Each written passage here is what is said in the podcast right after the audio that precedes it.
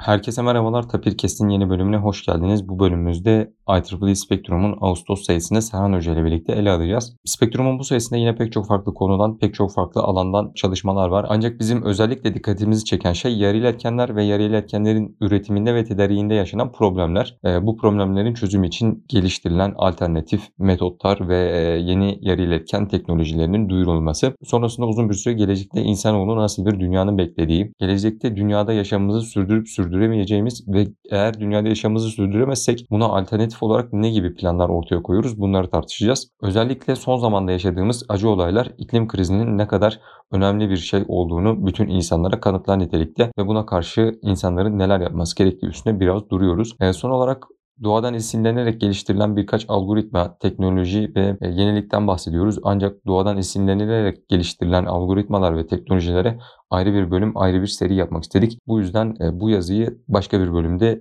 derinlemesine ele alacağız. Bölümümüzü belirli bir uzunlukta tutabilmek ve zaman yönetimini iyi yapabilmek adına birkaç makaleye değinmedik. Bunlardan birincisi gemilerin en boy oranının gemilerin hızlarını, manevra kabiliyetlerinin nasıl etkilediğine dair bir makale. Ayrıca tarihsel gelişiminden ve bunun yolculuğa da olan etkilerinden de bahsediliyor. E, diğer bir makale ise voltaj regülatörleri ve voltaj regülatörlerinin daha verimli olarak nasıl tasarlanabileceği, nasıl yapabileceği yönünde. Dediğim gibi bu iki makaleyi, bu iki çalışmayı zaman yönetimini iyi yapabilmek adına bu bölümümüzde ele almadık. Keyifli dinlemeler dileriz.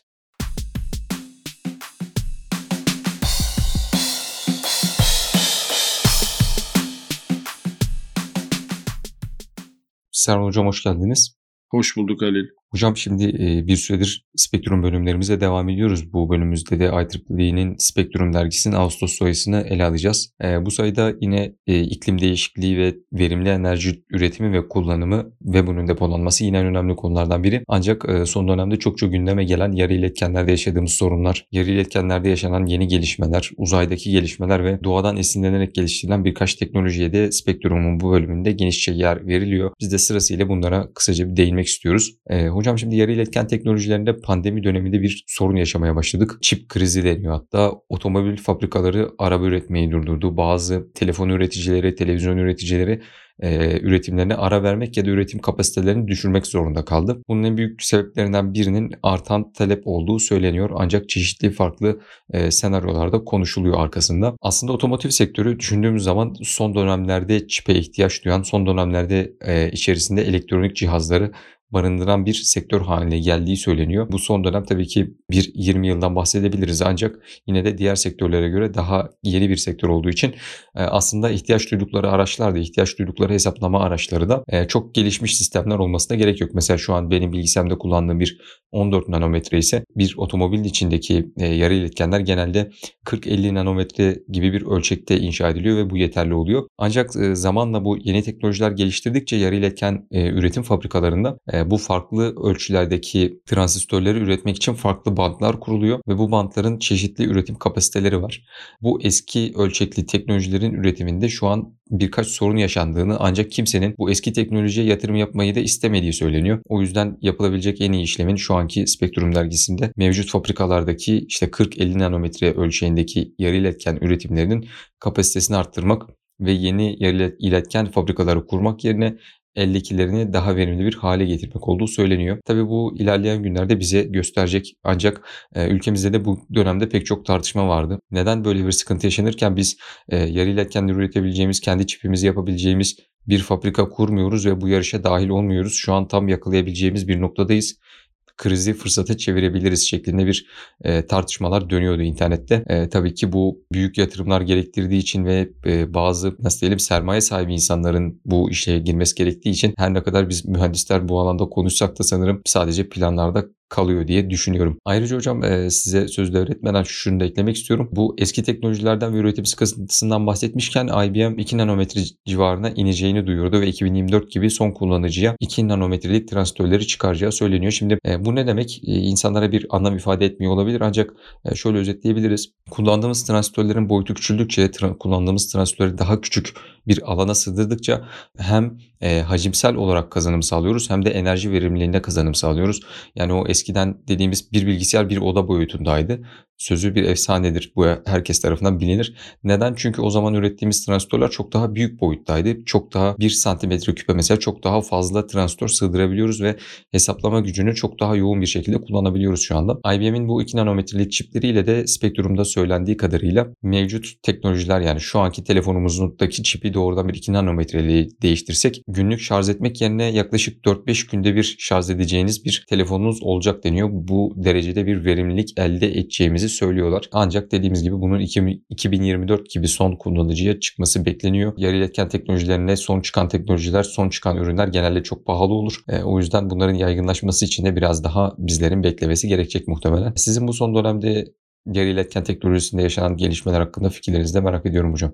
E, Halil her zaman olduğu gibi öncelikle teşekkür ediyorum bu platformu beni davet ettiğiniz için. Şimdi aslına bakarsam pandemiyle alakalı bu çip krizinin nasıl ortaya çıktığıyla alakalı da ilginç birkaç gelişmeden bahsetmek istiyorum. Muhtemelen bu zaten dinleyicilerimizin de dikkatinden kaçmamıştır ama biraz daha arka planda duran çok ilginç birkaç aslında o konu birbirleriyle bağlantılı duruma geldi. Çip krizini ortaya çıkartan e, yani pandeminin zaten doğal süreçleri etkilemesinin bir sonucu ama bu bir taraftan da ortaya çıkan bir arz talep dengesi var. Özellikle akıllı ev sistemleri bu akıllı ev sistemlerinde kullanılan teknolojilerin içerisinde özellikle sesle ve e, işitsel sistemlerle yapay zeka ile birlikte akıllı ev sistemlerini tetikleyen, akıllı televizyonları tetikleyen işte birkaç uygulaması herhalde Alexa, Siri buna benzer şeyler.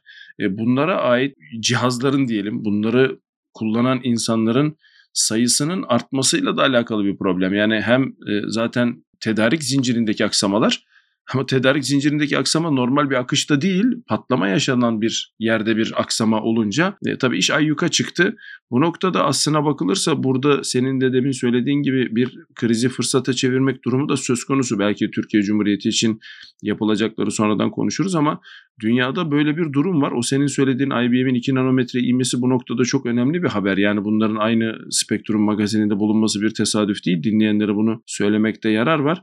E, bu cihazların özellikle işte akıllı ev sistemlerinde, araba, otonom taşınma, işte infotainment dedikleri yani bilgi eğlence sistemlerinde kullanılacak şeylerin artık güç tüketmemesi hatta mevcut ortamdaki gücü hasatlayarak İngilizcesi e, o şekilde herhalde Türkçe'ye çevriliyor. Hasatlayarak kendi gücünü ayakta tutması söz konusu. Şimdi böyle olunca senin de dediğin gibi ya siz bu gücü düşüreceksiniz ya da bu gücü verimli halde kullanacak teknoloji geliştireceksiniz. Ama ne yaparsanız yapın bunu kesinlikle ve kesinlikle çok küçük boyutlara indirmeniz lazım ki herhangi bir durumda her halükarda az güç tüketen bir şeylere ulaşabilirsiniz. Bu noktada da yani pandemiyle konunun bağlantısıyla bir araya getirmek istediğim şeyin bu olduğunu e, söylemek istiyorum Halil. Yani biraz belki gözden kaçmış olabilir ama e, ev eğlence, bilgi eğlence sistemlerindeki e, bu pandemi yüzünden işte kısıtlamalar, evlerde kalmaların doğal bir sonucu olarak bu sistemlere karşı talebin inanılmaz bir şekilde artması da buradaki o tedarik zincirindeki kesintinin çok daha dramatik şekilde insanlara yansımasına yol açtı.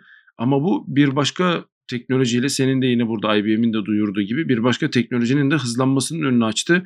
Ne yaparsanız yapın bunların boyutunu çok daha hızlı bir şekilde küçültmeniz lazım. Güç tüketimini çok daha hızlı bir şekilde mümkünse bertaraf etmeniz lazım. Tabi bertaraf etmek termodinami ihlal değil ortamdaki enerjiyi hasatlandırarak, ortamdaki enerjiyi değerlendirerek kendilerini kendilerine güç sağlaması beklenen yapılara erişmesi lazım ama ne yaparsanız yapın senin de dediğin gibi bunların boyutunun küçülmesi gerekiyor. Pandeminin bu konuda bir katalizör olduğunu düşünüyorum. Tabii ki e, inşallah e, bu bir an evvel bu beladan kurtuluruz. Bir an evvel bu süreç sona erer. Her şey normale döner ama bir mühendislik uygulaması olarak Spektrum'un bu bölümünde bunların aynı magazinde bulunmasının bir tesadüf olmadığını düşünüyorum Ali. Hocam hatta diğer bir makalede de sizin bahsettiğiniz e, infotainment ve insanların hayal ederek teknolojiyi geliştirmesi konusunda bazı eleştiriler yer alıyor. E, örneğin şu an halen 60'ların 70'lerin o bilim kurgu filmlerindeki teknolojilere sıkışıp kaldığımızı düşünüyor bir grup bilim insanı şu an. Yani uçan arabalar, otonom arabalar, VR gözlükler böyle o zaman eğlence için tahmin edilmiş, eğlence için üretilmiş, eğlence için üretileceği düşünülen teknolojilerin sizin de belirttiğiniz gibi aslında pandemiyle birlikte fazlaca kullanılmasıyla birlikte ortaya bir acaba biz bu elektrik enerjisini verimli olarak kullanıyor muyuz sorununu ortaya çıkarıyor. E, bu yüzden e, yeni bir kavram da ortaya atılmış. Bunun İngilizcesi cozy futurism yani rahat futurizm gibi bir şey olarak çevirebiliriz sanırım. Bu kavram ile insanlar eğlenceden daha fazla e, dünyayı nasıl sürdürülebilir bir yere getirebiliriz diye düşünmesi gerektiği ve teknolojiyi bu yönde geliştirmemiz gerektiğini söylüyorlar. Ki bütün dünyada son yaşadığımız olaylar da bence bunun ne kadar önemli ve ne kadar doğru olduğunu gösteriyor. E, bir an önce bu konu hakkında e, insanların artık bir şeyler yapması gerekiyor. Biz de dahiliz buna. Yani geliştirdiğimiz teknolojileri artık dünyayı düşünerek, çevremizi düşünerek sadece eğlenceyi, karı değil e, diğer etmenleri de, diğer etkenleri de çok daha ön plana çıkartarak geliştirmemiz gerekiyor. Yine buna ek olarak yenilenebilir enerjilerde yaşadığımız en büyük problem hocam siz de biliyorsunuz.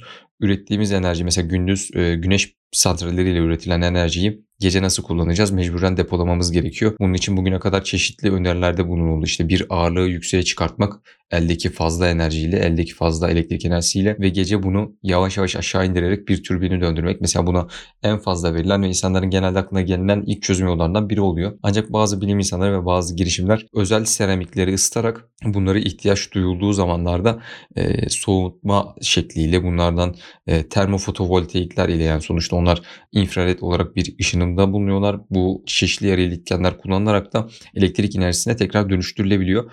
Bu alanda da çeşitli gelişmelerden bahsediliyor. Yani spektrumun yaklaşık 3 sayısında özellikle bu iklim değişikliği, enerjinin verimli bir şekilde tüketimi, depolanması ve temiz bir şekilde üretimi konusuna ciddi ağırlık veriliyor diye düşünüyorum. Son e, zamanda yaşadığımız olayları göz önüne aldığımızda da e, bence bu oldukça önemli bir konu hocam.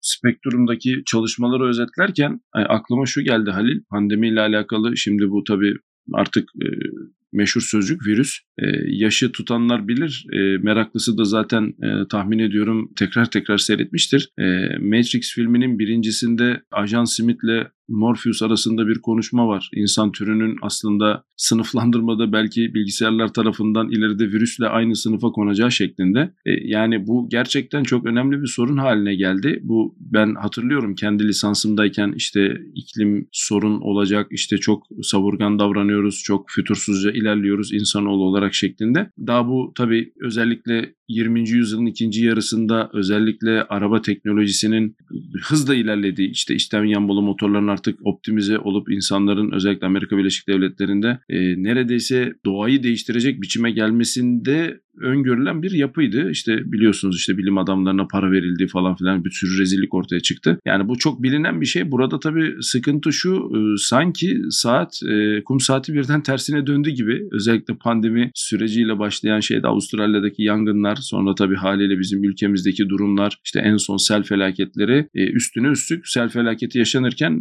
hatta bugün haberlerde dinledim yangını kurtarmak için yangını söndürmek için giden ekipler aynı zamanda gidip bir de sel felaketine yardımcı oluyorlar. Yani çok dramatik şeyler yaşanıyor. Ben burada şuna atıfta bulunmak istiyorum. Senin de söylediğin gibi ne yaparsak yapalım işler eninde sonunda mühendisliğe dönüyor, geliyor. Yani bunu en iyi hale getirmemiz lazım. Daha az enerji işte tüketecek hale getirmemiz lazım. Ya da mevcut enerjiyi daha iyi depolamamız lazım. Ancak seninle hatırladığım kadarıyla birkaç podcast öncesinde şeyden bahsetmiştik. Yani insanoğlunun medeniyeti aslında bakıldığında bilimsel sınıflamada daha çok altlarda. Yani biz gezegenin mevcut enerji kaynaklarını bile çok verimsiz kullanıp bir de bunu kötü kullanıyoruz. Yani verimsiz kullandığımız yetmiyor bir de bunu kötü kullanıyoruz. Mevcut sınıflandırma düşünüldüğünde bunun çok çok ilerisine geçmemiz gerektiğini de bilip senin de yine spektrumda bahsedildiği gibi gelecek planlarını belki bu seviyeyi atlamak üzerine planlayıp kurup bunlar üzerine kafa yormak belki daha anlamlı bir strateji olabilir. Bu noktada spektrumdaki o makaleyi gerçekten çok değerli buluyorum. Yani yakın gelecek, orta uzun bunlar artık gezegenin e, üzerinde yaşayan işte insan türü için enerjiyi nasıl kullandığımız, enerjiyi nasıl depoladığımızla alakalı e, çok çok geride olduğumuzun bilincinde olarak bence tasarlanması lazım. Ya bir adım sonrayı düşünüp işte şimdi bunu ürettik, bunu nasıl depolarız? Gerçekten çok önemli ama bir grup insanın da artık ya biz e, ne yapıyoruz?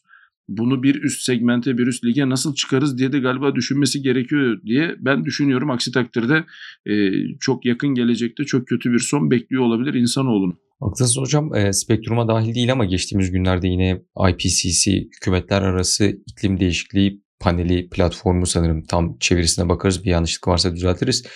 E, 2013 yılından sonra bu sene bir rapor daha yayımlandı. Bu raporda dediğiniz gibi insanın hareketlerinin, insanların e, üretmiş olduğu karbonun dünyanın atmosferini çok ciddi anlamda değiştirdiğini ve 1850 yani o sanayi devriminin başlangıcından itibaren yapan salınımların bugün bu olayları yaşamamıza sebep olduğunu ve eğer biz gerekli önlemler almazsak, gerekli kısıtlamalar yapmazsak 2015 yılında imzalanan o Paris İklim Anlaşması'nın 2 derece gibi bir sınırını yakalamamızın çok zor olduğunu söylüyorlar. Bugüne kadar hep küresel ısınma işte çeşitli olaylarda işte biraz ısınalım iyi olur gibi dalga geçilerek anlıyordu. Ancak insanlar bunun biz de yani bu anlama gelmediğini, aşırı olayların çok sık ve aynı anda yaşanabildiğini görmeye başladık. Bu yüzden herkesi bir tedirginlik kaplamıştır diye düşünüyorum. Bu yönde de çalışmalar olacaktır mutlaka mühendislik alanında dediğiniz gibi. Yani bunu mühendislikle çözmemiz gerekiyor gerekiyor. Çünkü artık insanlar bu yaşantıdan vazgeçecek değiller diye düşünüyorum ben. Kesinlikle dediğiniz gibi daha verimli e, yollar, daha temiz yollar üretmemiz gerekiyor. Şimdi Halil aslına bakarsan bir de şöyle bir durum var. Yani konu oldukça önemli olduğu için biraz da zamanını aldığım için kusura bakma diyerek devam etmek istiyorum. Yani e, o kadar çaresiz bir durumda gözüküyor ki insanoğlu. Yani yakın gelecekte işte zaten yine bu spektrumda da zaten mevcut. E, yakın yani güneş sistemi içerisindeki diğer kaynakları acaba dışarıdan getirerek nasıl devam ettirebiliriz, nasıl sürdürebilirizin derdine de girdi bir takım insanlar. İşte uzay madenciliği deniyor, şu deniyor, bu deniyor. Ama benim senin söylediğin çok e, önemli bir konuya bir ek yapmak istediğim bir husus var. Az önce bahsettiğin konuya paralel olarak. Özellikle yani bununla alakalı işte bilim adamı da Nobel aldı biliyorsunuz. Yani karbon 14 testi yani artık çok iyi takip edildiği yıllardan itibaren işte yukarıda biliyorsunuz ozon tabakasının orada bulunan bir çevrimle alakalı bir yapısı var. Merak edenler bakabilir. Artık yapıldığı yıla göre güncellenmek zorunda. İşte hatta çok meşhur biliyorsunuz işte Hazreti İsa'nın vefatından sonra haçtan indikten sonra çarmıhtan indikten sonra üzerine örtüldüğü düşünülen örtünün üzerindeki izle alakalı bir çalışmalar yapıldı zamanında kaç kere güncellendi bu? Neden? Çünkü zamanında yaşanan yangın e, tarihi işte belli bir seviye geri çekiyor ama siz bunu e, yaptığınız zamanki karbon oranıyla kıyaslayarak yaptığınız için özellikle senin de söylediğin gibi yani sanayi devriminden sonra gerçek ölçümlerin alınmasıyla birlikte bu e, artık kestirimlerin de güncellenmesi söz konusu. Ya ben şunu söylemeye çalışıyorum. Ya gezegende e, insan türünün hatta diğer canlı türlerinin de insan türü başta biz tabii kendimize ait olduğumuz için onu söylüyoruz ama e, diğer canlı türlerini de tehdit eden bir yapıya gelmesi zaten ortada. Bunun yanında yaptığınız bilimi de yaptığınız çıkarsamaları da etkileyecek bir hal aldı bu iş. Dolayısıyla bunun önüne geçilmesi gerekiyor. Bütün çalışmalar bununla alakalı dediğin gibi çeşitli mühendislik dallarının, malzeme biliminin, işte jeoloji biliminin haliyle işte ekosistem olduğu için biyolojinin de işin içine girdiği böyle topyekün bir bilimsel çalışma herhalde önümüzdeki dönemde çok bence hızlandırılacaktır diye düşünüyorum. Aksi takdirde e, çok iyi sonuçlar olmadığını yakın zamanda da işte hem kendi ülkemizde hem çevre ülkelerde hem de dünya çevresinde görmüş olduk. E, Allah sonumuzu hayretsin diyorum Ali. Sağ olun hocam. Bu konuda bildiğiniz gibi başka bir e, seçeneğimiz daha var. İnsanlar bunu sıkça dile getiriyor. Eğer dünyayı mahvedersek güneş sisteminde başka bir gezegene yerleşme ihtimalimiz var mı? Buralarda yaşam bulabilir miyiz? Burada yaşamımızı sürdürebilir miyiz gibi araştırmalar var. Bu konuda e, şu yüzden değindim. Mars'a çeşitli araçlar gönderiyoruz ve Mars'ta şu an keşif yapan NASA'nın araçları var, Rusya'nın araçları var, Çin'in araçları var. Bu araçlarıyla Mars hakkında detaylı bilgiler elde ediyoruz ve Mars ile şu an haberleşmede, Mars ile bilgili iletişiminde ya da Mars'a gönderilecek bir sonraki lander'ın ya da rover'ın diyelim gezginin nasıl bir sisteme sahip olması gerektiği hakkında ciddi önemli bilgilere sahibiz. Hatta en son Ingenuity ile Mars'ta bir helikopter uçurmak istesek, bir hava aracı uçurma, uçurmak istesek e, nasıl bir dizayna sahip olmamız lazım? Oradaki hava koşulları nasıl, aerodinamisi nasıl olması lazım? Bunlar üstüne çok çalışma yapıldı. Ancak spektrumda yeni bir e, gelişme var. Spektrum'da yeni bir haberden bahsediliyor. E, Jüpiter'in bir uydusu olan Europa'ya bir gezgin göndermeyi planlıyor bilim insanları ancak Jüpiter'in ve Europa'nın fiziksel olarak yapısı Mars'tan çok daha farklı olduğu için burada yeni bir anten tasarımımız gerekiyor. Anten tasarımımız olması gerekiyor ki haberleşmeyi sağlayabilelim. Onun haricinde bu antenin e, Europa'nın bir atmosferi olmadığı için ağırlık olarak araca herhangi bir ek yük getirmemesi gerektiği ve bunun çok önemli bir kısıt olduğundan bahsediliyor. Çünkü mesela Mars'a inişi canlı olarak izleme imkanımız olmasa da kayıttan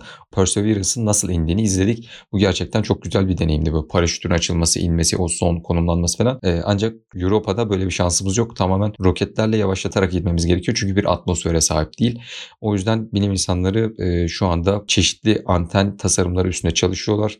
E, ve çeşitli anten tasarım önerilerinde bulunmuşlar. Bu antenin detaylarını merak edenler e, Spektrum'daki makaleyi inceleyebilirler. Orada biraz daha teknik detaylardan bahsediliyor. E, bu son dönemdeki uzay gelişmeler hakkında da sizinle bir fikrinizi almak istiyorum hocam. Gerçekten geçen podcast'te de bahsettik. Artık e, güneş sistemi içerisinde yani şu anki mevcut teknolojimizle ulaşabildiğimiz en yakın noktalar neresiyse oralara gidip oralarda az önce de söylediğimiz gibi tabii ki türümüzün devamı için başta olmak üzere. Belki de türümüzün derken ben kendimi de dahil ediyorum ama herhalde giden adamların türü dahil olacaktır. Bizleri çok dahil edeceklerini düşünmüyorum. Bunlar başta olmak üzere bunun yanında uzay madenciliği gibi durumlar söz konusu. Yine Japonya'nın çok önemli bir girişimi vardı. Yani güzel sonuçlar verdi bilim camiasına. İşte Hayabusa'nın e, çalışmaları yani mikro ölçekli sistemlerin üzerine iniş yapmadan oradan işte çok yakın e, bir şekilde işte ulaşıp e, çeşitli parçacıkları alıp analiz etme gibi durumlar söz konusu.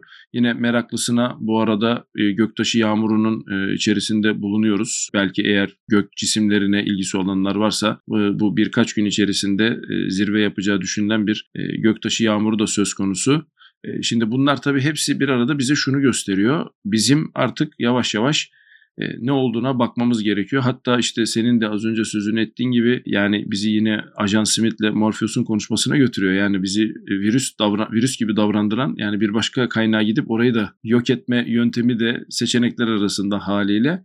Bu arada şunu da eklemek istiyorum Halil. Yani Avrupa konusu gündeme geldiği için Jüpiter'in uyduları malumunuz o bizim işte belki çıplak göze değil ama işte bir dürbün vasıtasıyla ya da bir teleskop vasıtasıyla evden görebildiğimiz uydular işte Galileo uyduları olarak geçiyor. Galileo zamanından Galileo tarafından ortaya ilk defa e, literatüre geçirildiği için. Şimdi bunlar üzerinde yapılan çalışmalarda başka durumlar da söz konusu. Çünkü e, Jüpiter'in mevcut yapısı yani Güneş sistemimizdeki en büyük gezegen olması hasebiyle çok çeşitli özellikleri bir arada barındırıyor. Yani yani kendisinin bir gaz devi olması, e, uydusunun e, oradaki kütle çekim özelliklerinin çok değişik yapıda olması ve uydusunda e, bizim insanoğlunun en azından türünün devamı için gerekli şeylerin belli ölçekte uygun bir formda olması çok ilginç bir kombinasyon yaratıyor. Ancak tabii dönüyoruz dolaşıyoruz aynı yere geliyoruz. İnşallah buna gerek kalmaz çünkü şöyle bir korkutucu distopik bir senaryo da söz konusu. Bu teknoloji sahip insanlar ya da ülkeler ya da gruplar artık klanlar ne diyorsanız e, aynı zamanda tersi teknolojiye de sahipler. Yani kendileri uzaya bir şekilde çıkıp dünyaya dünyadaki bütün yaşamı neredeyse ya da insan ırkını sadece ortadan kaldıracak bir e, teknolojiye de sahipler.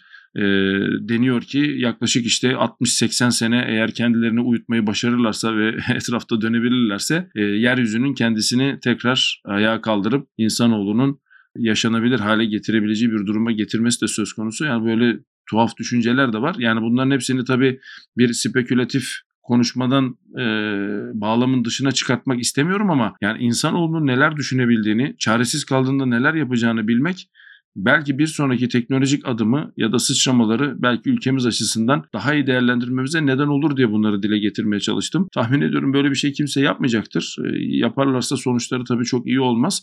Ancak böyle bir teknoloji için kafa yoran insanların olduğu düşünülmelidir. Zira bir takım insanlar şu an bayağı bildiğiniz gezegenden kaçmaya çalışıyor.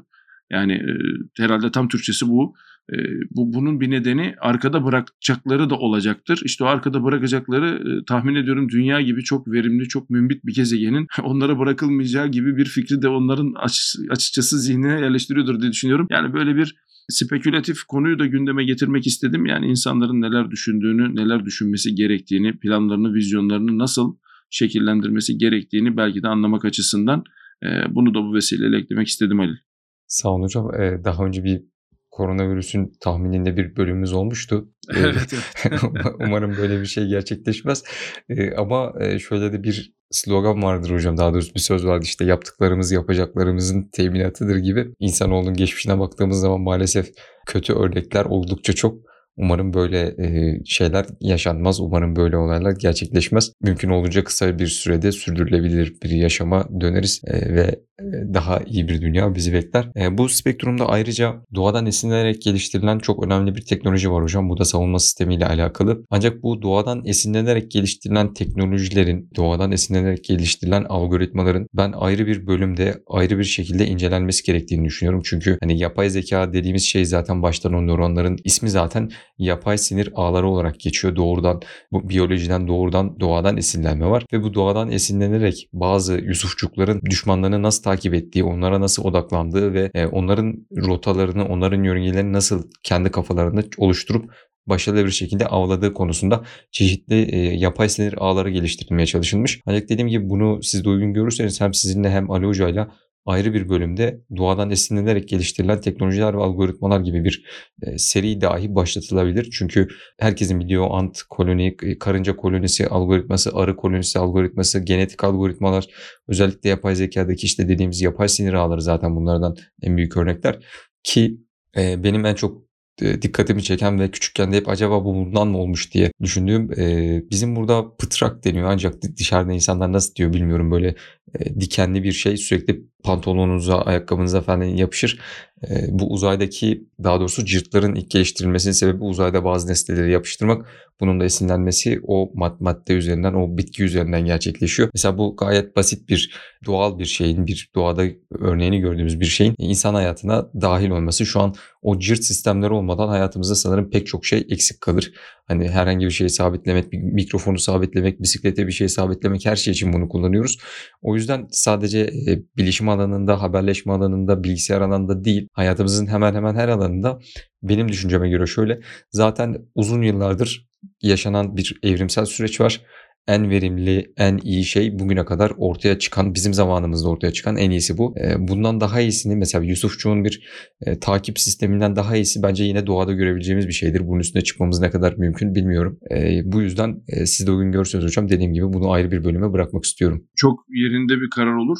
Senin söyleyeceğine ek olarak yalnızca şunu söylemek istiyorum. Az önce e, uzun uzadıya konuştuğumuz konuyla alakalı Gördüğün gibi mikro düzeyde aşağı inme işte IBM'in 2 nanometre duyurusuyla ki tahmin ediyorum bunun da altına inilecektir. Zaten yani kuantum bilgisayarlar üzerine çalışan çok ciddi gruplar var. Bir de bunun üst sınırını da konuşmak gerekir ki zamanında insanlar bunu e, araştırmışlar etmişler. Seninle de podcast öncesinde bahsetmiştik. İşte Bremerman sınırı diye bilinen yani bir fiziksel e, makro düzlemdeki bir bir e, kütlenin diyelim tamamını eğer bir hesaplama aracı olarak kullansaydık bununla ne kadar iş yapabilirdik? Yani bunları son 30-40 yılda konuşuyor olmak Halil aslında insanoğlunun belli sınırlara ulaştığını, artık bu sınırları aşmaya çalıştığını, belki aşıp aşamayacağı belli değil ama e, aşarken e, beklenen dışında yöntemler tercih ettiğini ve bu yüzden de belki bugün buraya geldiğimizi söylemek istiyorum. Yani bu sınırlardan 30-40 yıl önce bahsetmek, bilim adamlarının ileri görüşlülüğünü göstermekle birlikte Artık bunu düşünebilen insanlar varsa evet onlar çok zeki insanlar olabilir ama e, şartların, koşulların artık belli bir doyuma ulaştığını da belki insanlara hatırlatır. Yani genelde bilimde sınırlar söz konusu olduğunda e, işte o bilim adamının ne kadar ileri görüşlü olduğu söylenir. Ancak şu da gözden kaçırılmamalıdır. O bilim adamı ne kadar zeki olursa olsun o sınırı hayal edebiliyorsa en azından o sınıra atıfta bulunacak etrafında çeşitli işaretler, çeşitli e, belki de göstergeçler olduğu için onu düşünebiliyordur diye de düşünmekte fayda var diye e, kapanışı yapmak istiyorum Ali. Teşekkürler hocam. E, bu bölümümüzde IEEE Spektrum'un Ağustos sayısını ele aldık. İlerleyen bölümlerde, ilerleyen aylarda tekrardan IEEE Spektrum'un içeriğiyle devam edeceğiz. Ben oldukça ilginç konuları bir yerde barındırdığı için Spektrum okumayı ve Spektrum üstüne konuşmayı seviyorum. Umarım dinleyicilerimiz de bundan faydalanıyordur. E, her türlü yorum ve önerilerine de açığız. Bu konuda geri bildirimde bulunabilirler bize. E, katıldığınız için tekrar teşekkür ederim hocam. Ben teşekkür ederim Ali. Herkese iyi haftalar diliyorum. Görüşmek üzere.